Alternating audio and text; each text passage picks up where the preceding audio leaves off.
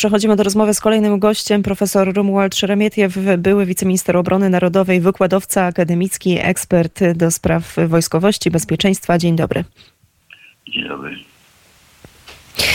Dziękujemy za czas dla słuchaczy Radia Wnet. Panie profesorze, zanim przejdziemy do sytuacji na Ukrainie, to najpierw spójrzmy na Polskę. Rząd podjął decyzję o budowie tymczasowej zapory na granicy Polski z obwodem kaliningradzkim. Czy pańskim zdaniem to dobry, to dobry ruch? Ja myślę, że to konieczność. Po prostu strona polska weszła w posiadanie informacji, które mówią o tym, że ta granica również może być zagrożona, ponieważ no, Rosja musi zdestabilizować sytuację w Polsce, żeby odciąć Ukrainę od wsparcia, jakie Ukraina za pośrednictwem Polski otrzymuje. No i nie udało się to na granicy polsko-białoruskiej, tak, bo powstał tam płot i wystarczająco dobrze zabezpieczyliśmy tę granicę, no to teraz zdaje się oni próbują uruchomić e, taki napływ tych nachodźców e, poprzez Kaliningrad.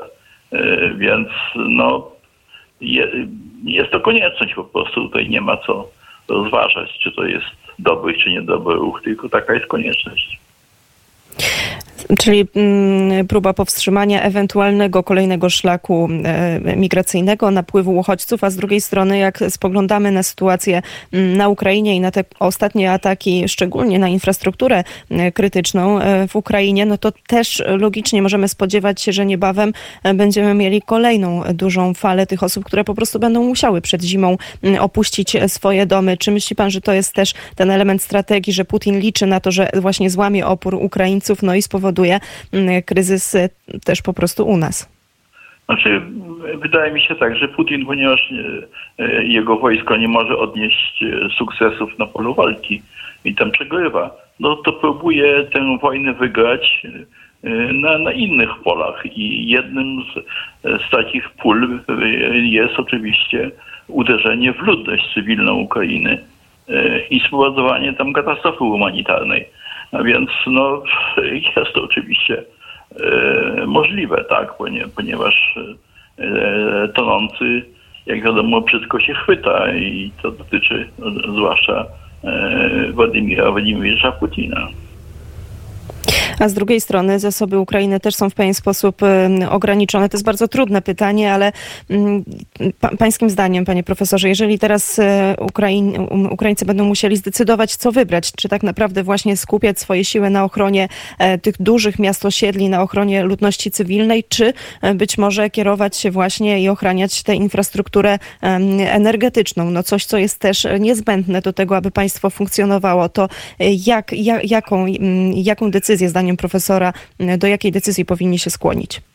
To znaczy, no to jest kwestia tylko taka, czy Ukraina e, dostanie wszystkie te środki obrony przeciwlotniczej i obrony przestrzeni powietrznej, e, których, których się domaga. E, tak, bo już widać, że powiedziałbym, ten, te używanie tych rakiet, które w tej chwili stosuje Rosja, pamiętajmy, że to, to oczywiście jest bardzo bolesne, jeżeli idzie o stronę ukraińską ale jest to również bardzo kosztowny y, sposób prowadzenia wojny, jeżeli idzie o stronę rosyjską. Dlatego, że tego typu e, rakiety, zwłaszcza te e, tak kierowane precyzyjne, to są rzeczy bardzo kosztowne.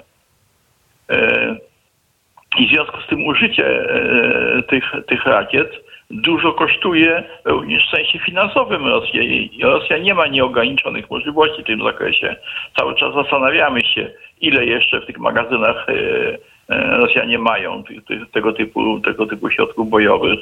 No ale sądząc po tym, że zaczynają używać e, rakiet przeciwlotniczych czy wystrzeliwanych rakiet, które służą do zwalczania celów na morzu, do atakowania celów naziemnych, E, na terenie Ukrainy, to, to, to widać, że powiedziałem, tych możliwości, e, jeżeli idzie o tę amunicję rakietową, mają już, e, one się im wyczerpują.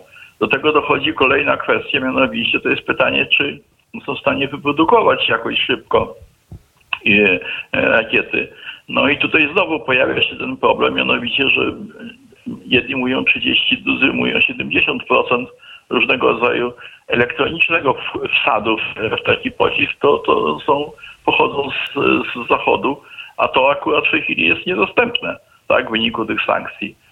No więc nie wydaje się wobec tego, żeby na, dłuższą jakąś, na dłuższy czas Rosja była w stanie tego typu kosztowną wojnę prowadzić. Mówię tutaj o użyciu właśnie tego typu środków. A więc no, Ukraina jest w bardzo trudnym położeniu i zbliża się zima i oczywiście możemy się spodziewać bardzo trudnej sytuacji. Tak, ale z drugiej strony to nie oznacza, że Rosja tutaj ma jakieś ogranicza duże możliwości i może działać całkowicie beztrosko.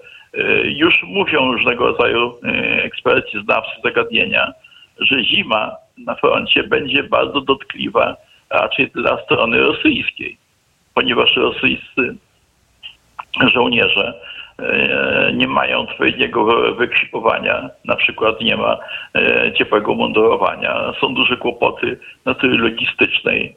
To już kwestia nawet nie w dostarczeniu amunicji, ale wręcz żywności często to, to, się, to się przejawia prawda? I, i tak dalej. I to, tak panie dalej. profesorze, przepraszam, że tak wejdę teraz w słowo, tak. tylko to w, w, wydawałoby się, że powinno być ogromnym problemem dla um, państwa, jeżeli to mówilibyśmy, nie wiem, o uczestnictwie w wojnie państwa europejskiego, Niemiec, Francji, czy nawet Polski, ale że jednak Rosja tych swoich żołnierzy no, traktuje troszeczkę, jak nie chcę mówić, że jak takie mięso armatnie, no ale widzimy e, i ta, ta częściowa mobilizacja, wiemy, że często ci żołnierze są, tak jak pan profesor wspomniał, wysyłani bez um, kompletnego ekwipunku, ale czy tak naprawdę ktoś w tej Rosji o to, o to dba? Czy nie jest tak, że trochę jest to tam przyjmowane za pewien, pewien, pewną sytuację, którą po prostu trzeba zaakceptować i dalej ta częściowa mobilizacja będzie trwała i kolejni ci ludzie będą na front dosyłani? I czy nie jest trochę tak, że Rosja jednak może sobie na to pozwolić? No nie bardzo może sobie na to pozwolić, dlatego że mnie się wydaje, że jeżeli idzie o zachowanie zwłaszcza rodzin i tego, jak one odbierają to, co się dzieje z ich, powiedziałbym, członkami rodzin, którzy zostali wcieleni do tej armii i w jakich warunkach oni znajdują, no to powiedziałbym, że tutaj pewna zbliżamy się do pewnej krytycznej linii, jeżeli idzie o, o, o to, jak będzie na to reagować społeczność rosyjska. Pamiętajmy, że Rosja rzeczywiście ma pani rację, że, że Rosjanie są w stanie bardzo dużo wytrzymać, tak, ale dzisiaj biorąc pod uwagę, że, że istnieją te elektroniczne środki przekazu informacji, naprawdę wiesz, każdy, kto ma tam jakąś komórkę czy, czy coś takiego, to przekazuje do domu, tak w jakich warunkach się znalazł i jak wygląda powiedzmy pobyt na tym froncie, jak oni są przygotowani i tak dalej, i tak dalej. To wszystko się roznosi. Już słychać o różnego rodzaju protestach i niepokojach również w, w armii wśród tych ludzi, którzy są zmobilizowani, no i którzy pod gołym niebem często muszą powiedzmy przebywać i a wysłani na front no, giną i są, są duże straty. Więc no, to wszystko razem oczywiście może doprowadzić do sytuacji, w której się załamie ta odporność e, rosyjskiego społeczeństwa na wszystko to, co władza e, jemu, e, jemu funduje. I tutaj też, panie profesorze, niejako w nawiązaniu do tego, co, co pan mówi, czyli że powoli dochodzi i, i, Rosjanie dochodzą do pewnej granicy, że rodziny już zaczynają się buntować, to też pojawiają się takie komentarze, że być może to Ukraina nie powinna się biernie przyglądać kolejnym rosyjskim atakom rakietowym i na przykład też zaatak zaatakować blisko, w, do, do kilkudziesięciu kilometrów od granicy infrastrukturę krytyczną, ale po stronie rosyjskiej, bo ma już taki sprzęt, bo jest w stanie to zrobić. Czy pan uważa, no, że to byłaby dobra strategia? To, nie, nie sądzę. W tej chwili to, co chce strona ukraińska osiągnąć i co realizuje, to jest kwestia wyzwolenia terenów, które Rosy, rosyjskie wojska zajęły i okupują. Tak? I jak widać, krok po kroku to się Ukraińcom udaje. Ja myślę, że tak zwana zachodnia część Dniepru, czyli ten rejon, na którym jest Hersoń, zostanie wkrótce wyzwolony przez wojska ukraińskie. No i rysuje się kolejna operacja, którą Ukraińcy mogą skutecznie wykonać. To jest okrążenie również tych wojsk rosyjskich, które są na lewym brzegu, czyli na wschodnim brzegu Dniepru i w konsekwencji odcięcie Krymu od kontaktu, powiedziałbym, z Rosją, a więc i wyzwolenie Krymu. To wszystko się może wydarzyć i moim zdaniem na tym się Ukraina skupia. Powiedzmy, dlatego że uderzenia gdzieś tam na, na, na terytorium Ukrai Rosji, uderzenia jeszcze w ludność cywilną do tego, no, no to, to byłoby takie ząb za ząb, oko za oko, ale nie dające zwycięstwa stronie ukraińskiej. Natomiast złamanie tutaj wojsk rosyjskich, wypędzenie ich z terytorium, to jest prawdziwe zwycięstwo i ku temu do tego zmierza strona ukraińska. I, I uważa myślę, pan, że, i uważa pan, że pomimo, pan, pan profesor uważa, że pomimo tak ciężkiej sytuacji i jak widzimy tych, tych nasilonych ataków, które działają ewidentnie no po prostu na wyniszczenie państwa, że ukraińskie wojsko jest w stanie to osiągnąć na polu bitwy, że tak. to nie musi być, nie powinna być decyzja jednak polityczna? Y, jestem przekonany, że, że dowództwo ukraińskie y, dobrze y, prowadzi te, te, te, te operacje i, i sprawdza się, powiedziałbym. I tutaj plany są realizowane.